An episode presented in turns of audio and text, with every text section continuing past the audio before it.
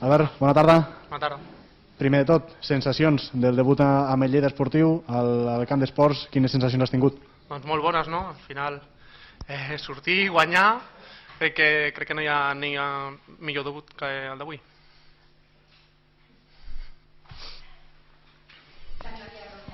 Albert, bona Bones. tarda, enhorabona. Merci.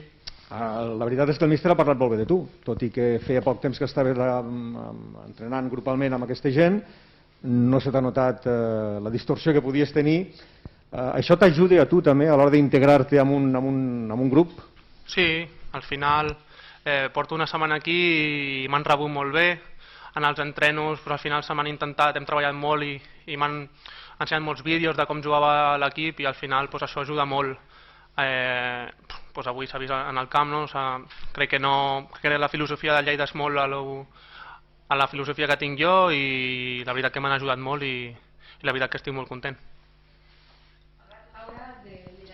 Uh, bueno, benvingut primer de tot a, Merci. a Lleida, a Lleida Esportiu. Um, comentava l'entrenador que avui també ha jugat una mica com d'home de referència al davant després de l'expulsió. Com t'has sentit també amb aquesta posició i, i la polivalència que puguis tindre tu a l'equip? Bueno, eh, m'ha tocat, al final he quedat amb un, amb un jugador menys i, i bueno, el míster ha dit que, que tenia que ficar-me dalt. No, no és la primera vegada que jugo, eh, crec que puc jugar allà, òbviament no, no és la meva posició, però, però no, cap, cap problema de, de ficar-me davant. Albert, precisament t'anava a preguntar això, perquè tu pots, pots jugar en diverses posicions.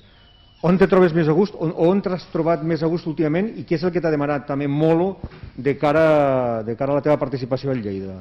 Aviam, jo la meva posició on porto jugant últimament és, és de mitja punta, darrere el delanter. Eh, a mi m'agrada rebre la pilota entre línies i, i arribar de segona línia. Però bueno, al final eh, el míster decideix on ficar-me i si em decideix ficar-me més endarrere, doncs jugaré més endarrere i si haig de jugar delanter, doncs, doncs jugaré de delanter.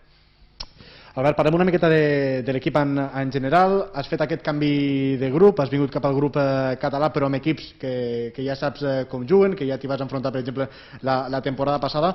Eh, la igualtat eh, és protagonista en aquest eh, subgrup d'aquesta temporada de la segona B i es preveu que la igualtat continuarà fins a final de temporada. No sé si comparteixes l'opinió.